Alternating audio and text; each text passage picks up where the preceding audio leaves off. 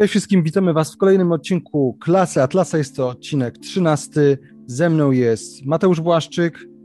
Hej, cześć. Ja nazywam się Ziemowit Gowin i dzisiaj podejmiemy temat, który być może po, powinniśmy byli podjąć już dawno temu, bo z jednej strony temat jest nietechniczny, tak zwany luźny, ale on na pewno luźny nie jest, e, jest tak naprawdę tematem ciężkim, bo dotyczy powiedziałbym, e, fundamentalnych kwestii, a mianowicie tej jednej fundamentalnej e, kwestii, a tą kwestią jest zdrowie psychiczne, zdrowie mentalne. E, I będziemy się chcieli dzisiaj zastanowić nad tym, jaka jest relacja między obiektywizmem a radzeniem sobie z problemami psychicznymi, z, w jaki sposób, czy obiektywizm może pomagać, czy obiektywizm może zastąpić a, terapię, e, jaka jest, ta, jaka jest ta relacja. No i teraz w ogóle zacznę może od tego, dlaczego w ogóle podejmujemy ten temat. Otóż bardzo się często zdarza, ja i Mateusz i zapewne część z Was, nieraz słyszeliście od innych e, obiektywistów, czy po prostu od fanów Rand, że y, jej powieści e, Atlas Buntowany, Źródło, albo jej eseje, czy zbiory esejów takie jak The Virtue of Selfishness, e, w jakiś sposób zmieniają ich życie. Oni dostrzegają te pewne zmiany, które zachodzą właśnie dzięki y, czytaniu e, zarówno powieści Rand, jak i jej tekstów filozoficznych. No i to nie powinno nas dziwić, choć, chociażby z tego względu, czy przede wszystkim z tego względu, że obiektywizm jest filozofią, która właśnie ma służyć życiu, ma służyć osiąganiu szczęścia, ma tłumaczyć w jaki sposób to robić. E, no i pomaga na pewno w tym, między innymi poprzez wskazywanie odpowiednich cnót, odpowiednich zasad moralnych, e, czy chociażby poprzez niszczenie, niszczenie to jest złe słowo, ale poprzez rozbijanie fałszywych dychotomii, którymi często żyjemy, e, w które często wierzymy, bo zostały nam po prostu e, w jakiś sposób wmówione, jak byliśmy dziećmi, albo po prostu funkcjonują w społeczeństwie. My często zresztą o takich e, dychotomiach wspominamy, czy też o fałszywych pojęciach. Więc tutaj obiektywizm był też przez Rand nazywany nieformalnie jako filozofia dla żyjących na Ziemi. No więc dzięki temu na pewno jest tak, że wiele osób zmieniło swoje postępowanie w życiu, e, część osób zmieniło swoją karierę zawodową, część osób zmieniło swoje podejście do relacji międzyludzkich. I w jednym z odcinków, wydaje mi się, że z trzeciego sezonu klasy Atlasa tłumaczyliśmy, że między innymi filozofia Rand polega na pewnej harmonii między emocjami a rozumem, czy pomiędzy tak zwanym poczuciem życia a świadomymi przekonaniami, świadomą e, filozofią.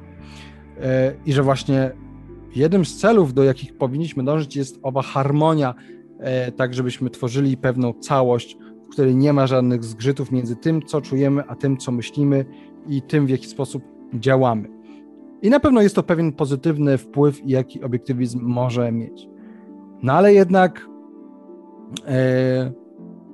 pytanie jest takie, pytanie, które możemy sobie postawić, jak ma, jak mają się te pozytywne, ewidentnie pozytywne e, wpływy obiektywizmu na życie człowieka, jak one się mają do problemu depresji, problemu prokrastynacji, do problemy Weltschmerzu, e, tak, cierpienia życia, cierpienia istnienia jaka jest ta relacja. I tutaj chcielibyśmy z, Wam z Mateuszem dzisiaj zaprezentować mniej wykład, a bardziej rozmowę, yy, w której właśnie podejmiemy ten temat.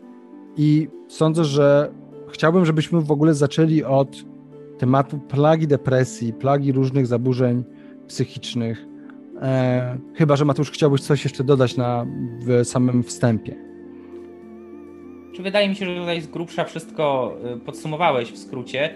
E, no faktycznie będzie to odcinek e, teoretycznie z kategorii tych luźniejszych i nietechnicznych, natomiast temat, który będziemy poruszać jest dość poważny, więc e, tak też postaramy się do niego podejść. Natomiast ja też pragnę zwrócić uwagę na wstępie i jakby to tak dość mocno zaznaczyć, że to będzie nasza rozmowa i przedstawimy nasz punkt widzenia na ten temat, ale żaden z nas nie ma zamiaru tutaj e, stawiać się e, w roli jakiegoś autorytetu w tym temacie.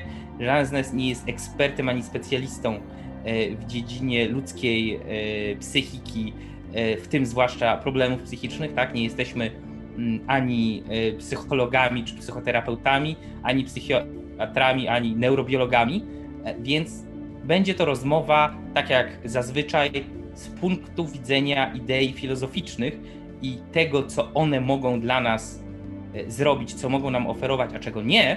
E, natomiast bardzo uprzejmie proszę, żeby nikt nie myślał, e, że my będziemy tutaj udzielać porad natury psychologicznej, ponieważ to jest nieprawda. Nie będziemy i niech nikt niniejszego odcinka jako zbioru takich porad nie traktuje, bo po prostu popełni błąd.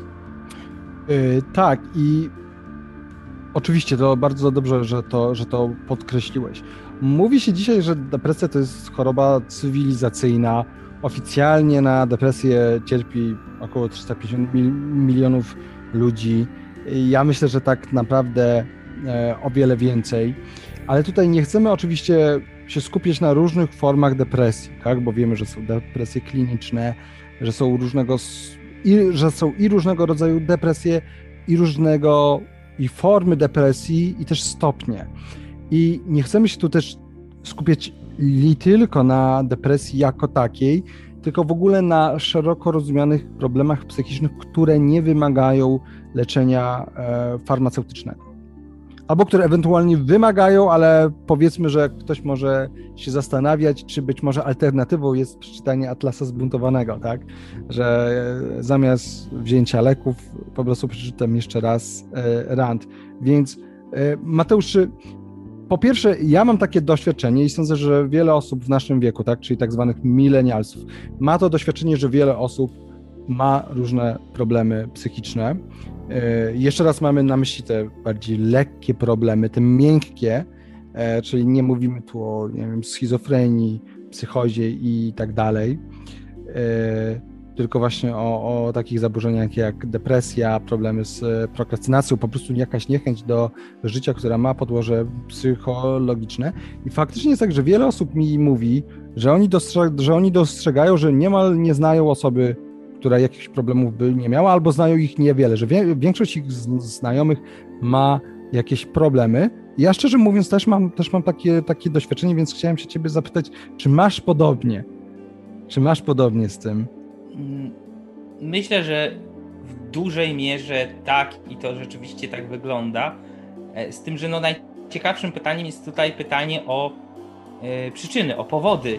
Skąd wzięło się nagle tak dużo e, osób z takimi problemami, albo osób otwarcie mówiących o takich problemach, bo to też nie jest tożsame.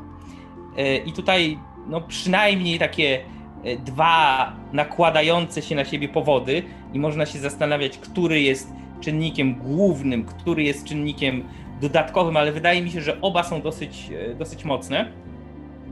To jest po pierwsze, tak jak mówisz, o chorobach cywilizacyjnych. To jest faktycznie wynik pewnych zmian e, w trybie życia, zmian społecznych, zmian e, w tym, jak e, ludzie spędzają swój dzień od rana do wieczora, w jakim trybie pracują i tak dalej. Jakie, co więcej, szerzej można powiedzieć, w jakiej kulturze żyją, jakie ta kultura, która ich otacza, zarówno kultura wyższa, jak i kultura popularna, jak i po prostu pewne y, proste zasady współżycia społecznego, jakie ta kultura im proponuje wartości, idee, wzorce i tak. Więc y, to jest ten szeroki, szerokie spektrum przyczyn społecznych i nazwijmy to sobie właśnie ta, te choroby cywilizacyjne, które wynikają zarówno no, ze sposobu odżywiania się, z braku ruchu i tak dalej. No tutaj wiemy, można wymieniać. I to ja bym powiedział, że to jest jedna rzecz, która faktycznie ma y, wpływ i można się zastanawiać na ile. A druga rzecz to jest yy, prosta konstatacja, że tego typu problemy, być może w innym natężeniu, ale jednak, było od zawsze, tylko po prostu o nich nie mówiono. Po prostu nie były rozpoznawane, nie były diagnozowane, albo nawet jeśli były jakoś tam rozpoznawane, to były bagatelizowane, zrzucane na dalszy plan, yy, wstydzono się o nich mówić, yy, chowano je gdzieś głęboko pod swoje łóżko, nie zajmowano się nimi, uważano je za powód do wstydu i tak dalej. Więc z jednej strony być może faktyczna liczba osób cierpiących na problemy psychiczne wzrosła, przynajmniej jeśli chodzi o procentowy udział w, wśród liczby ludności, a z drugiej strony bardzo prawdopodobne jest też to, że po prostu znacznie więcej osób otwarcie o tym mówi, otwarcie się do tego przyznaje więc te dwa czynniki moim zdaniem się nakładają. Pytanie, który jest dominujący. Dodałbym też trzeci czynnik, mniej ważny, ale e, zauważyłem coś takiego, szczerze. I tu absolutnie nie chcę nikogo obrazić ani, ani urazić, bo e, no, wątpię, żeby, e, żeby dorośli, dojrzali emocjonalnie ludzie czymś takim się zajmowali. Natomiast spotkałem się to jest może dowód anegdotyczny, ale spotkałem się z takimi e, przypadkami, czy takimi grupkami e, koleżeńskimi, gdzie w cudzysłowie coś takiego stało się modne. Modnie było mieć depresję. Modnie było mieć jakieś problemy psychiczne. I mówiło, i, i to było na takiej zasadzie, że rzucało się to mniej więcej na tym samym poziomie e, powagi w rozmowie z drugą osobą, nawet świeżo poznaną, jak e, co się dzisiaj zjadło na śniadanie, tak? Bo to, bo to, to, to, to był pewien wow, wszyscy mają, na zasadzie wszyscy mają problemy, mam i ja, tak? E, myślę, że to jest margines faktycznych, rzeczywistych problemów, ale też zdarzają się ludzie, którzy po prostu, e, no nazwijmy to sobie, są hipochondrykami, jeśli chodzi o problemy psychiczne i lubią o nich mówić znacznie więcej niż e, faktycznie ich mają. Bardzo często w przeciwieństwie do ludzi, którzy naprawdę mają ciężkie problemy i bardzo często te osoby mało o nich mówią albo prawie wcale. Ale to takie spostrzeżenie. Także choroby cywilizacyjne i rzeczywisty wzrost liczby przypadków osób z takimi problemami, fakt, że więcej się o tym mówi, otwarcie się o tym mówi, więcej się diagnozuje, e, więcej jest e, tego po prostu e, zbadanego i policzonego, no i pewna w pewnych kręgach zblazowanej, znudzonej dekadenckiej młodzieży, w cudzysłowie moda na bycie no, alternatywnym w tym sensie. No, to jest, myślę, że istotna jest, ja chciałbym tutaj nawiązać do tego drugiego powodu, jaki podałeś, czyli to, że teraz po prostu się bardziej otwarcie o tym mówi i że się to diagnozuje i faktycznie e, dopiero jesteśmy w czasach, kiedy przestaje być to bagatelizowane, kiedy wciąż jeszcze się pojawiają takie wypowiedzi, często publiczne, w których sprowadza się depresję czy problemy psychiczne do tego, że żeby ktoś wyszedł na słońce, żeby ktoś sobie poszedł coś zagrać, tak? Nie wiem, napił się wody e, i że właśnie traktuje się depresji i tego typu problemu tak po macoszemu, to już powoli odchodzi do lamusa, bo ludzie zaczynają sobie uświadamiać, jak poważne to są problemy. E, I sądzę, że to, co możemy powiedzieć z filozoficznego punktu widzenia, to istotne jest to, po pierwsze, że zaczęto dostrzegać w ogóle sferę mentalną człowieka, że zdrowie przestało być ograniczane tylko do zdrowia fizycznego i do zdrowia mentalnego, a po drugie, że, i to jest z tym związane, że zaczęto przykładać wagę, że nie tylko widzimy to, ok, że są kwestie mm, psychiczne i pewne problemy mogą występować, ale że też ten czynnik, ten aspekt mentalny, ten aspekt psychiczny człowieka jest czymś istotnym, czymś nad czym powinniśmy pracować. I to nawet widać nie tylko w przypadku osób, które są chore, e, ale też po prostu osób, e, które w jakiś sposób prowadzą higienę mentalną. Chociażby przez różnego rodzaju medytacje, nie mam tu na myśli medytacje e, jakieś takie, wiecie, mistyczne, tylko bardziej jak uważność czy mindfulness, albo wszelkiego rodzaju inne właśnie takie powiedziałbym, niereligijne. E, oczyszczanie umysłu. Oczyszczanie umysłu, tak. E, więc, więc faktycznie to są takie dwa fajne czynniki, które moim zdaniem e, za, powoli zaczynają już dominować w społeczeństwie. No ale wróćmy może do, no do w sumie tematu dzisiejszego odcinka, tak? Czyli y, czy moglibyśmy się zapytać, czy obiektywizm może zastąpić terapię, tak? Czyli jeżeli ktoś czyta sobie Rand, yy, czyta powieści, uczy się o jej filozofii, próbuje ją jakoś wdrożyć w, w życie, yy, ale równocześnie cierpi na jakieś problemy. Tak, dajmy na to, trzymajmy się tej depresji, czy ma depresję. Czy w jakiś sposób tutaj obiektywizm może mu pomóc? No to są dwa oddzielne pytania. Czy obiektywizm może zastąpić i czy może pomóc? Yy, mówiąc krótko, na pierwsze, pierwsze pytanie odpowiedź brzmi moim zdaniem nie, na drugie yy, moim zdaniem brzmi jak najbardziej tak. To znaczy nie ma co udawać. Yy, problemy e, natury psychicznej i szeroko rozumiane spektrum e, zaburzeń czy schorzeń e, natury psychicznej to jest coś, co wymaga bardzo często po prostu leczenia, dokładnie tak samo jak leczenia wymagają e, problemy natury e, fizycznej, tak? E, jeśli coś jest nie tak, to trzeba się zastanowić, co z tym zrobić, jak to wyleczyć i tak dalej. I najlepiej udać się do osoby, która się na tym zna, do specjalisty, do kogoś, kto jest ekspertem w danej dziedzinie, a nie do jakiegoś szamana, znachora, czy kogoś, kto będzie próbował e, leczyć przykładaniem jakichś e, tych, jak się nazywają te, te takie magiczne kamienie, co są w różnych e, częściach świata, że tam podobno one dają tą ukrytą energię. Zapomniałem, przypomnę sobie zaraz. Ale no, no, no, no wiadomo myślę o co, o co mi chodzi. I tak samo jest z psychiką. Tak, tak jak mówiliśmy, wszystko na tym świecie ma swoją naturę, ma swoją tożsamość, jest jakieś. I ludzki umysł, ludzka psychika, cała sfera ludzkiej mentalności też jest jakaś.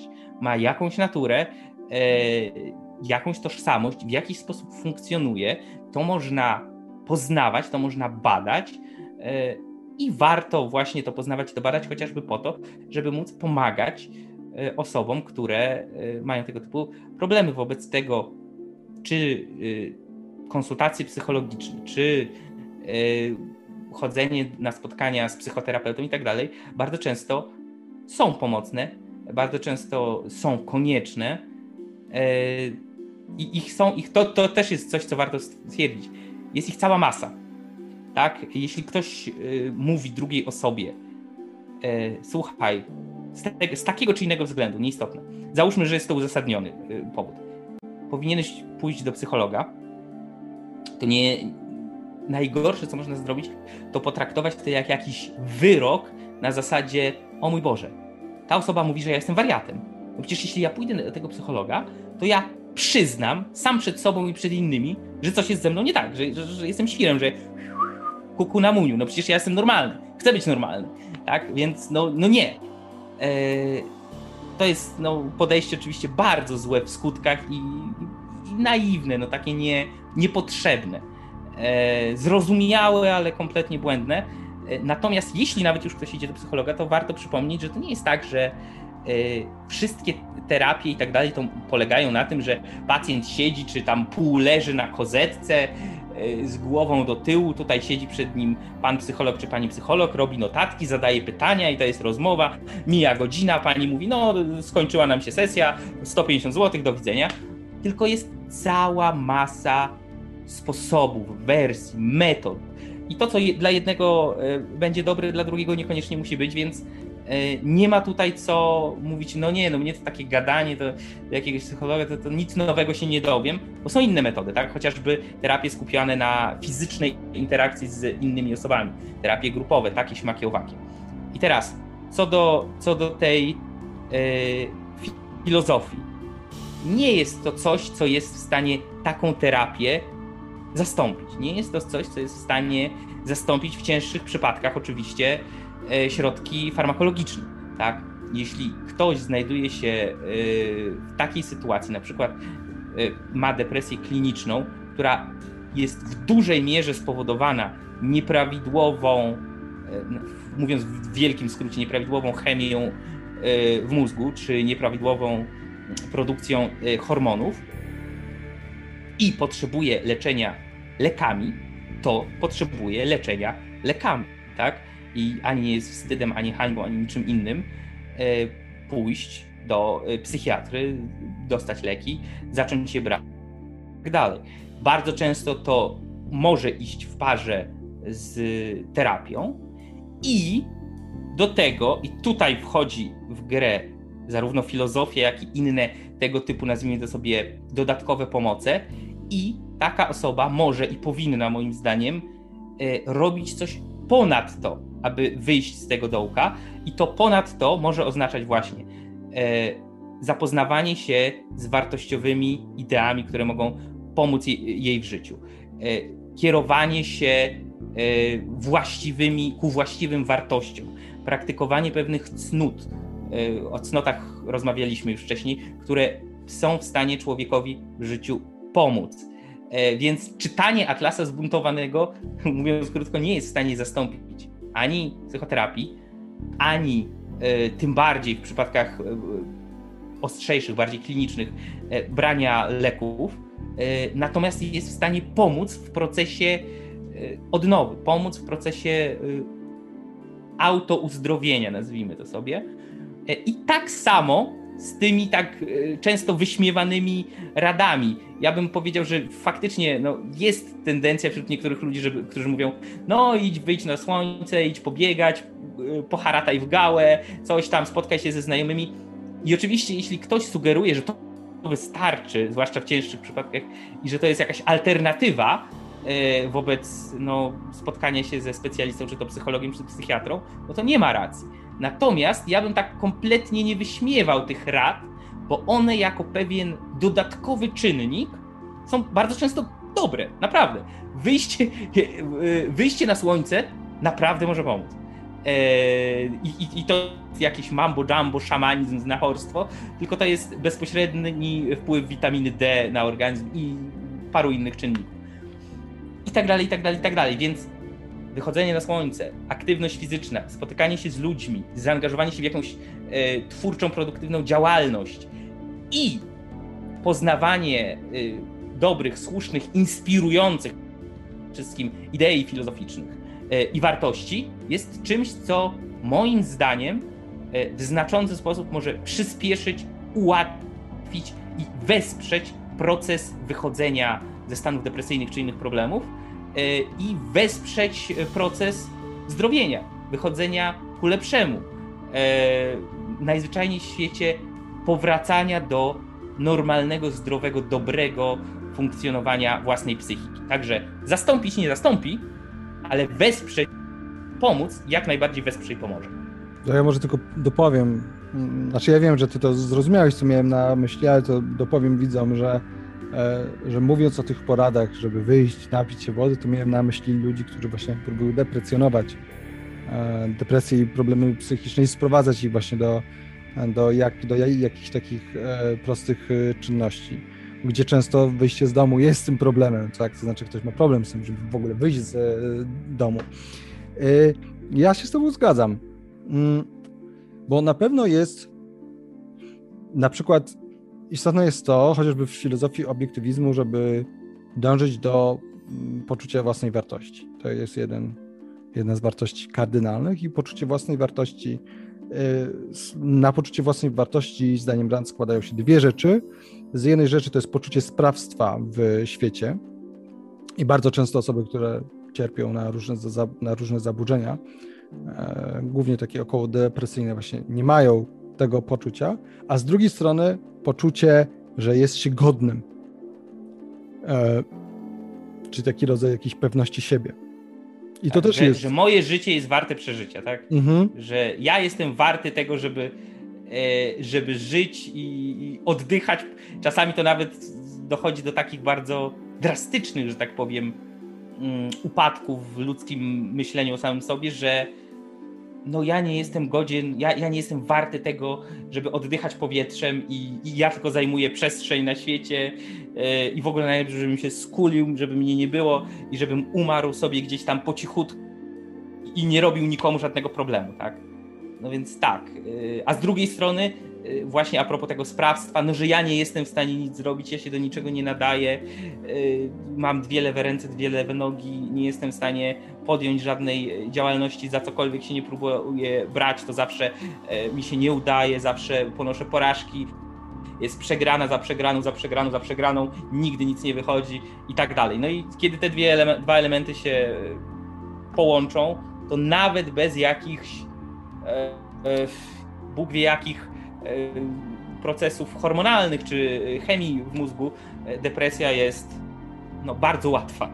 Tak, i, i moim zdaniem bardzo dobrze zobrazować ten czynnik y, filozofii. Tak, no bo my mówimy jeszcze raz, że filozofia obiektywizmu nie zastąpi. To właściwie już możemy odpowiedzieć na pytanie, czy jak czujemy, że mamy jakieś problemy, czy przeczytać jeszcze raz Atlasa, e, nie pójść do specjalisty. Atlasa można przy okazji przeczytać, ale pójść do specjalisty, skonsultować się, nie bacie. To jest tak jak gdy macie, nie wiem, złamaną nogę, bolącego zęba, e, czy problemy ze wzrokiem, idziecie do specjalisty i rozwiązujecie ten problem. Nie wstydzić się, nie bać się, po prostu iść. Natomiast y, z drugiej strony też może być destruktywny wpływ filozofii. Jeżeli mamy problemy.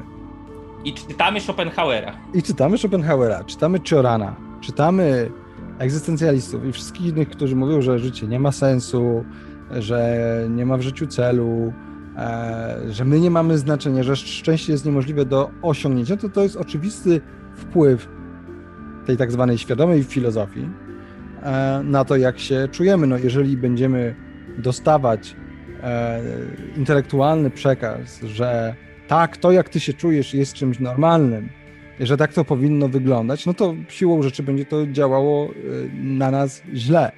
No i w drugą stronę, jeżeli będziemy czytać, nie, to nie jest normalne, to nie jest normalne, że człowiek cierpi, człowiek nie powinien e, cierpieć.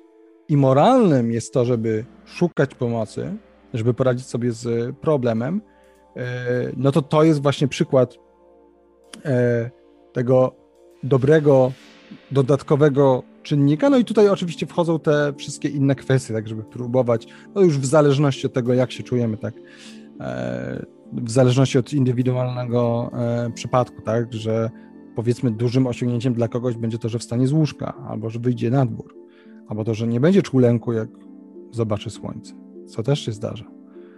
Tak, że część osób jest, jest takie e, springtime depression, tak, że właśnie wychodzi słońce i niektóre osoby nienawidzą słońca, jak, jak mają, jak mają depresję. E, więc dużym osiągnięciem będzie to, jak nie będą tego odczuwały. E, no więc tutaj na pewno wpływ filozofii jest, ale na pewno jeszcze raz ona nie może tego, ona, ona nie może tego zastąpić i sądzę, że to jest ta konkluzja, którą chciałem, żebyśmy, żebyśmy osiągnęli, tak? Znaczy do, do, której, do której doszli. Jeżeli ktokolwiek z Was się zastanawia, albo Wasi znajomi się zastanawiają nad tym, czy filozofię może zastąpić terapię, e, wizytę u psychiatry, nie, nie może. Nie może. I nie myślcie absolutnie nawet przez chwilę o samych sobie, a nie o innych, których znacie, a którzy mogą mieć takie problemy, albo jeśli wy sami je macie, nie myślcie nawet przez chwilę w kategoriach to znaczy, że jestem nienormalny, to znaczy, że ze mną jest coś bardzo nie tak. W tym znaczeniu jest z tobą coś nie tak, że jesteś osobą, która może być potencjalnie osobą chorą, osobą z problemem, ale yy, nie będziemy mówić o kimś, kto yy, choruje na grypę, albo yy, kto dostał raka skóry, albo jakiejkolwiek innej przypadłości, jakiejkolwiek innej choroby fizycznej, nie mówimy o tej osobie, że jest nienormalna, że coś z nią nie tak. Nie, ma pewien problem, musi się z tym problemem zmierzyć, ma pełne prawo e, szukać pomocy i szukać wsparcia, porady i opinii innych, zwłaszcza tych, którzy się na tym znają. To żadna tutaj, żaden powód do, do samobiczowania się. Powiem tak, faktycznie miałem okazję poznać przypadki, kiedy e, jakby wydaje mi się, że to zaszło już, że proces jakby internalizacji tego, że ja jestem osobą z problemami psychicznymi, taki, no na, trochę na takiej zasadzie, no taki mnie Bozia stworzyła, taki już jestem, tak? Zaszedł tak daleko, że ta osoba y, próbowała wszystko tym przed sobą samymi przed innymi usprawiedliwiać. W sensie nie próbowała znaleźć rozwiązania, jak wyjść z tego, tylko no tak, no tak, no, no nie, nie, nie możesz się mnie czepiać, że coś tam mi nie wyszło, czy tam obiecałem, że zrobię coś tam na za tydzień, zrobiłem na za trzy miesiące, no ale no co ja mogę zrobić, no taki już jestem, bo, bo mam takie problemy. No to jest oczywiście takie już bardzo skrajne pójście w taką no w takie trochę babranie się we własnym nieszczęściu, co się niektórym ludziom zdarza, e, ale ani to, ani ciągłe mówienie, no tak, bo to nie jest, ja nic nie mogę z tym zrobić, taki już jestem, ani z drugiej strony mówię, nie no, ja się nie przyznam nie, sam przed sobą nawet, że mam jakiś problem, ja jestem no, być nienormalny i tak dalej. Jedno i drugie to są e, fałszywe ścieżki, to jest, to jest błędna alternatywa. Jedynym sposobem jest, tak jak to zresztą e, mówi Ayn Rand i tak jak to mówi filozofia obiektywizmu, poznać prawdę, spojrzeć na rzeczywistość i samego siebie takim, jakim naprawdę się jest, nie jakim chciałoby się, aby było, nie jakim e, boimy się albo marzymy, żeby być, tylko jaka jest nasza sytuacja teraz, co to oznacza, co mogę z tym zrobić, tak? Jeśli jest problem, jak go rozwiązać? Jeśli jest ciężka sytuacja, jak z tego wyjść? Jak załagodzić przynajmniej e, krótkoterminowo i tak dalej, i tak dalej, i tak dalej. I oczywiście ja mówię teraz to w takim sensie, że to jakby brzmiało prosto, łatwo i przyjemnie. No oczywiście wiadomo, że w wielu przypadkach takiej nie jest i nie ma co udawać, że jest. E, natomiast no, nie ma alternatywy. Tak? Jeśli ktoś ma problem, jeśli ktoś jest chory, e, jeśli ktoś cierpi na depresję czy inną przypadłość, nie ma alternatywy wobec próby wyjścia z tego e, i próby poradzenia sobie z tym przy wsparciu innych, no bo jedyną inną opcją to jest pogrążanie się w tym coraz bardziej, co nigdy nie jest e, tak naprawdę żadnym rozwiązaniem. A i jeszcze jedną tylko rzecz e, tutaj bym dodał, a propos relacji psychologia i w ogóle zdrowie psychiczne czy choroby psychiczne człowieka, a filozofia, a mianowicie filozofia, tak jak mówiliśmy, ma y, dotyczy w zasadzie wszystkich dziedzin życia, ma wpływ na wszystko. Tak jak na przykład ktoś mógłby zapytać, no a jaki jest związek y, filozofii i biologii, albo filozofii i fizyki? No istnieje coś takiego jak filozofia nauki, tak? E, I można się na przykład zastanawiać w konkretnych dziedzinach wiedzy, e, konkretnych naukach szczegółowych, czy dana metodologia badań jest słuszna i zasadna, czy nie. I tu już to jest bardzo często pytanie z pogranicza danej nauki szczegółowej, a filozofii ale ja bym powiedział, że w przypadku relacji filozofii a dziedziny wiedzy, którą nazywamy psychologią, ta relacja jest jeszcze ściślejsza, ponieważ jeśli psycholog albo wannabe psycholog e, wyjdzie z bardzo błędnych przeświadczeń na temat natury ludzkiej, ludzkiej psychiki i tak dalej, to może e, no, dojść do bardzo błędnych wniosków, jeśli chodzi o to, jak pomagać tym swoim pacjentom i, e, i w jaki sposób ich e, leczyć. Co mam na myśli? Mam na myśli mm, psychologiczne, czy raczej takie pseudopsychologiczne, parapsychologiczne nurty, które wychodzą z błędnych przesłanek filozoficznych i dlatego zamiast pomagać ludziom, to bardziej szkodzą. Chociażby na przykład takie, akurat to może nie jest tyle nurt psychologiczny per se, przynajmniej dzisiaj, ale takie parapsychologiczne próby poradzenia. Y, ktoś ma problem. Co jest podstawową rzeczą, którą powie... Przestań tak dużo myśleć o sobie. Nie użalaj się nad sobą. Skup się na innych. Myśl o innych. Bądź większym altruistą, mówiąc w skrócie, a wszystko będzie dobrze. Tak? Yy, I tak dalej, i tak dalej, i tak dalej. No, tutaj jakby nurtów w obrębie samej psychologii jest wiele i obranie właściwej, e, właściwej filozofii przez danego terapeutę czy psychologa jak najbardziej może e, pomóc w obraniu właściwej, właściwej metody terapii. No chociażby mamy tu przykład pani psycholog, która jednocześnie jest sympatyczką filozofii obiektywizmu i często udziela się w, czasach, w czasie rozmów czy wywiadów przeprowadzanych przez ludzi z Ayn Rand Institute, czyli Gina Corin, e, która no, jest psychologiem, ale prywatnie jest również obiektywistką. jak, jak wpiszecie Gina Gorlin w wyszukiwarce na YouTubie, to wyskoczą wam filmiki, gdzie ona opowiada o relacji pomiędzy wyznawanymi wartościami i tak dalej, a procesem na przykład terapeutycznym, jeśli chodzi o wychodzenie z jakichś problemów psychicznych. No chyba, więc... chyba potwierdzasz, Ziemowit. Nie, tak, że... tak, tak, tak, tak. Gina, Gina Gorlin jest nie tylko psychologiem, ona jest profesorem psychologii, a przy okazji jest terapeutką. Eee... Także jest i teoretykiem, i praktykiem. Jest i teoretykiem, i e, praktykiem, i jest obiektywistką, tak. Wszystko się, wszystko się zgadza.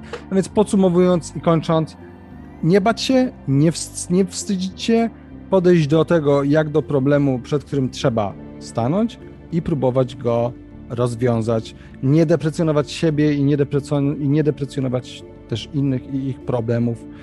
E, no i za dzisiaj Wam dziękujemy. Lajkujcie, komentujcie, subskrybujcie i e, wspierajcie nas na Patronite. Dzięki i do zobaczenia. Cześć. Do zobaczenia. Hej.